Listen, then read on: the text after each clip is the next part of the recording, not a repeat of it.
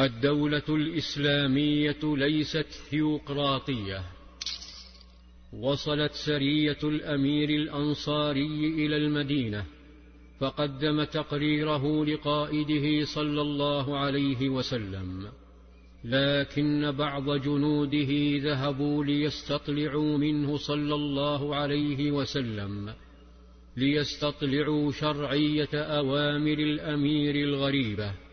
وحدود إمارته وحدود أوامرها وهل خالفوا الله ورسوله حين لم يرموا أنفسهم في النار؟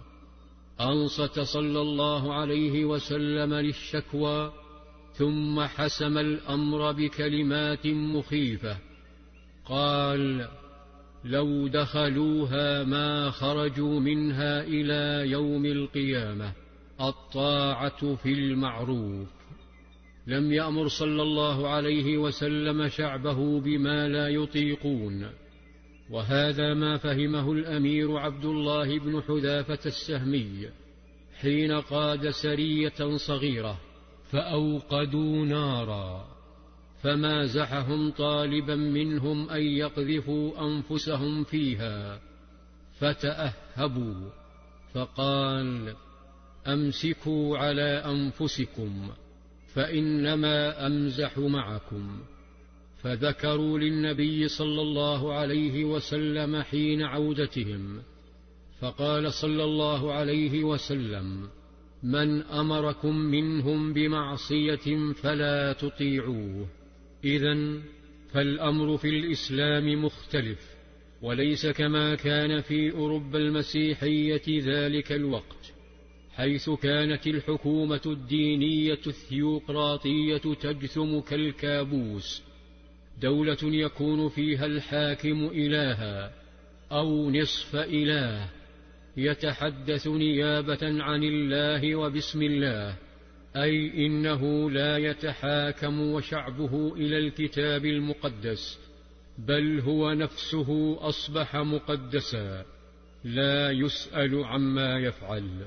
وأوامره مقدسة كقدسية أوامر الله حتى وهو يرتكب الموبقات.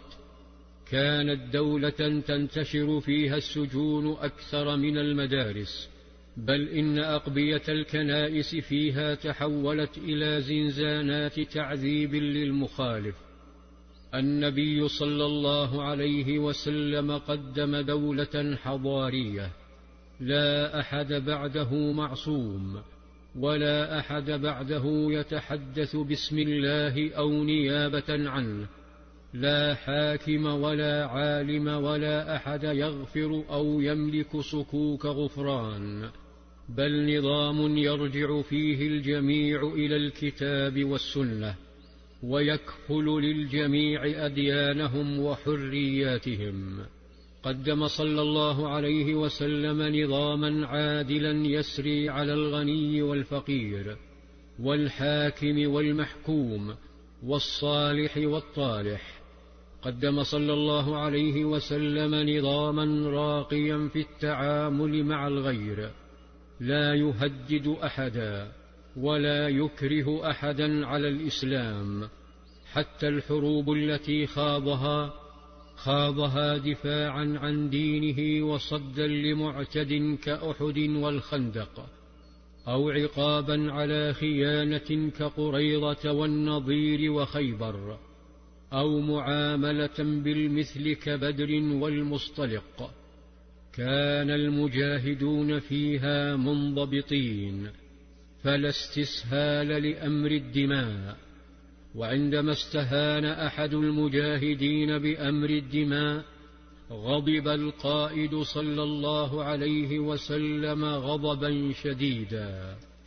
أما هذا المجاهد فتحولت جثته بعد موته إلى درس لإخوته. في ظلال السيرة